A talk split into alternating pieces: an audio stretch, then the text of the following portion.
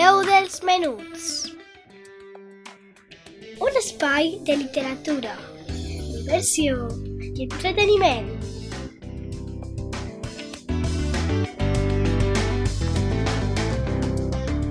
Amb Laia Esteve.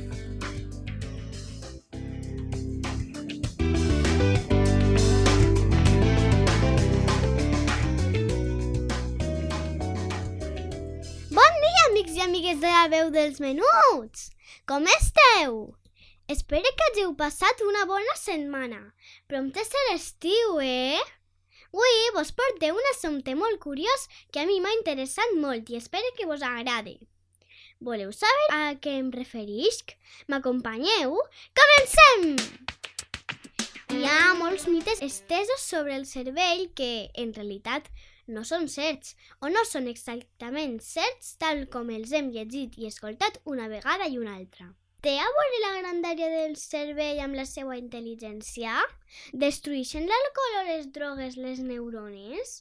Tenim de veritat 100.000 milions de neurones? Ara intentaré explicar aquestes qüestions. Segons les investigacions en aquesta matèria, un cervell més gran no implica necessàriament major intel·ligència. Molts animals tenen un cervell proporcionalment més gran al seu cos en comparació als humans, però no per això són més intel·ligents. Un altre assumpte que hem sentit moltes voltes és això de l'alcohol, que he dit abans, però resulta que no, que l'alcohol no mata les neurones. Els estudis han demostrat que sí, que sí que li fa mal i això pot causar problemes de comunicació entre les neurones, però no les destrueix físicament. Les drogues tampoc eliminen neurones, encara que sí que poden canviar permanentment el funcionament del cervell. Pel que fa al número de neurones que tenim al cervell, cal destacar que no tenim 100.000 milions de neurones, sinó 86.000 milions. És la xifra més precisa sobre el nombre mitjà de neurones en un cervell humà adult. A què heu sentit alguna vegada dir que solament utilitzem el 10% del cervell i que la resta està desaprofitat? Doncs els científics han comprovat que podem utilitzar molt més del 10% del nostre cervell és una altra de les xifres que s'han estès com a certes, però no ho és. S'ha demostrat que utilitzem tot el cervell, però no totes les parts al mateix temps ni de la mateixa manera. Depèn de l'activitat que estiguem realitzant. Tampoc utilitzem un hemisferi més que l'altre. És cert que algunes activitats es desenvolupen en la part esquerra del cervell, com la parla, com jo ara mateix, i unes altres a la dreta, com la interpretació d'emocions, però molts estudis han demostrat que no hi ha un clar ús dominant d'un hemisferi sobre un altre.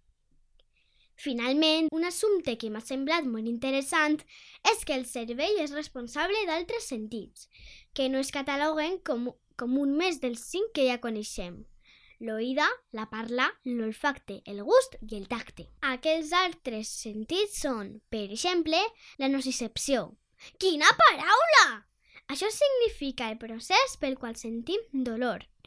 O la propiocepció, que és el sentit que informa de la posició dels nostres músculs i cos.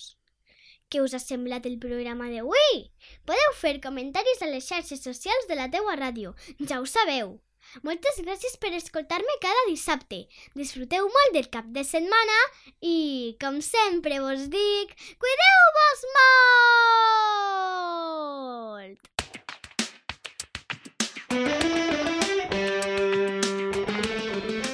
La veu dels menuts. Un espai de literatura, diversió i entreteniment.